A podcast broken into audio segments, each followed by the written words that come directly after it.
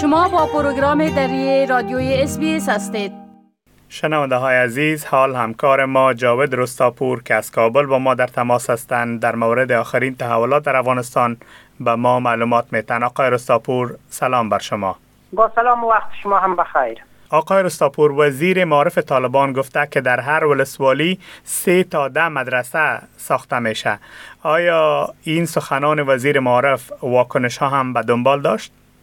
بله اما گونه که شما گفتین مولوی نورالله منیر سرپرست وزارت معارف طالبان در سفری که به ولایت لوگر داشت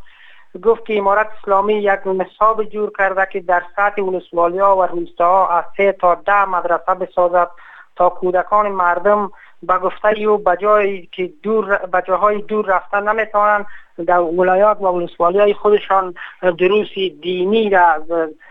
بیاموزند و فرا بگیرند. اما این اظهارات در حال مطرح می که مسئولان ریاست های معارف در اکثر ولایات تاکیدشان است که با کمبودی ساختمان مکتب و تشکیل روبرو هستند و شماری از مکتبایشان در مناطق دوردست تشکیل نداره معلم نداره و به همین ترتیب مواد درسی ندارن انتقادها و واکنش هایی که در پیوند با این اظهارات سرپرست وزارت معارف بود ای بود که در حال حاضر اولویت معارف است مکتب است و وزارت معارف برای مکاسب میگه که ما بودیجه نداریم. دروازه های مکاتبی از سنف شش به بالا را بروی دختران بسته کرده و اینا استدلالشان است که در حال حاضر ما بودیجه هم نداریم و امکاناتی هم نداریم که های درسی را به گفته از یا در برخی مناطق که یک جا هستند دختران و پسران یا را جدا بسازیم. ولی در حین حال برای ده هزار مدرسه که وزارت معارف گفته برای از این بودیجه دارند و برای از تش... پول پیدا می‌کنن و ایرا می‌سازن. این دو پهلو گفتن های طالبا به این معناست که اینا علاقه چندانی به درس و تعلیم و درس مدرن ندارن و در صدد ایجاد ساختن مدرسه و تعلیمات اسلامی هستند و گفته ای کاربران شبکه های اجتماعی درست است که افغانستان یک کشور اسلامی است مردم مسلمان هستند تعلیمات اسلامی هم اولویت است. ولی بسیار حتمی نیست که همه مردم باید تعلیمات اسلامی ببینن ملا و مولویشن و به دیگر چیزا هم نیاز است در کشور به دکتر و انجینر و معلم. که طالبا با این موضوعات چندان علاقه ندارن که اصلا ما مکتب داشته باشیم و های ما به سطح مدرن باشه که از اینجا فارغ بتن و وارد شامل دانشگاه شند جوانان و نسل آینده. آقای رستاپور پس از جداسازی سنوف پسران و دختران در مراکز تحصیلات عالی در افغانستان اخیرا وزارت تحصیلات عالی روزهای درسی دختران و پسران هم اعلام کرده که چند روز بعد پسران به مراکز تحصیلات عالی برن و روزهای دیگهش دخترها به این مراکز برن آیا این تصمیم وزارت تحصیلات عالی واکنش ها هم به دنبال داشت؟ بله شورای علمی پانتون کابل گفته که طرح در تمام پانتون های دولتی کشور قابل اجرا خواهد بود که روزای جفتی هفته یعنی شنبه دوشنبه و چهارشنبه را برای محصلین دختر و روزای تاقی هفته یعنی یک شنبه سه شنبه و پنجشنبه را برای محصلین پسر اختصاص داده شود و محصلین در روزایی که به درس میرن از ساعت هفت صبح یعنی تا ساعت سه بجه هفت ساعت درس باید بخوانند این طرف شورای علمی با, با واکنش بسیار جدی مواجه شده. از یک طرف این طرح روانشناسان گفتند که شماری از روانشناسان در مصاحبه با رسانه گفتند که این طرح ناقص است. و محصلین نمی‌توانند که به صورت متواتر هفت ساعت درس بخوانند و این را حفظ کنند. که ناممکن است محصلین را در دشواری بسیار قرار میته و یا قابلیت جذب درس را در هفت ساعت ندارند و درس اکادمیک و در پانتونا از طرف دیگر شماری از استادان پانتونا گفتند که طرح کاملا ناقص است و این طرح به باوری از او یک طرح سیاسی و غیر معقول است که نمی‌تواند یعنی جوابگوی تحصیلات عالی و درس در نالای اکادمیک باشد.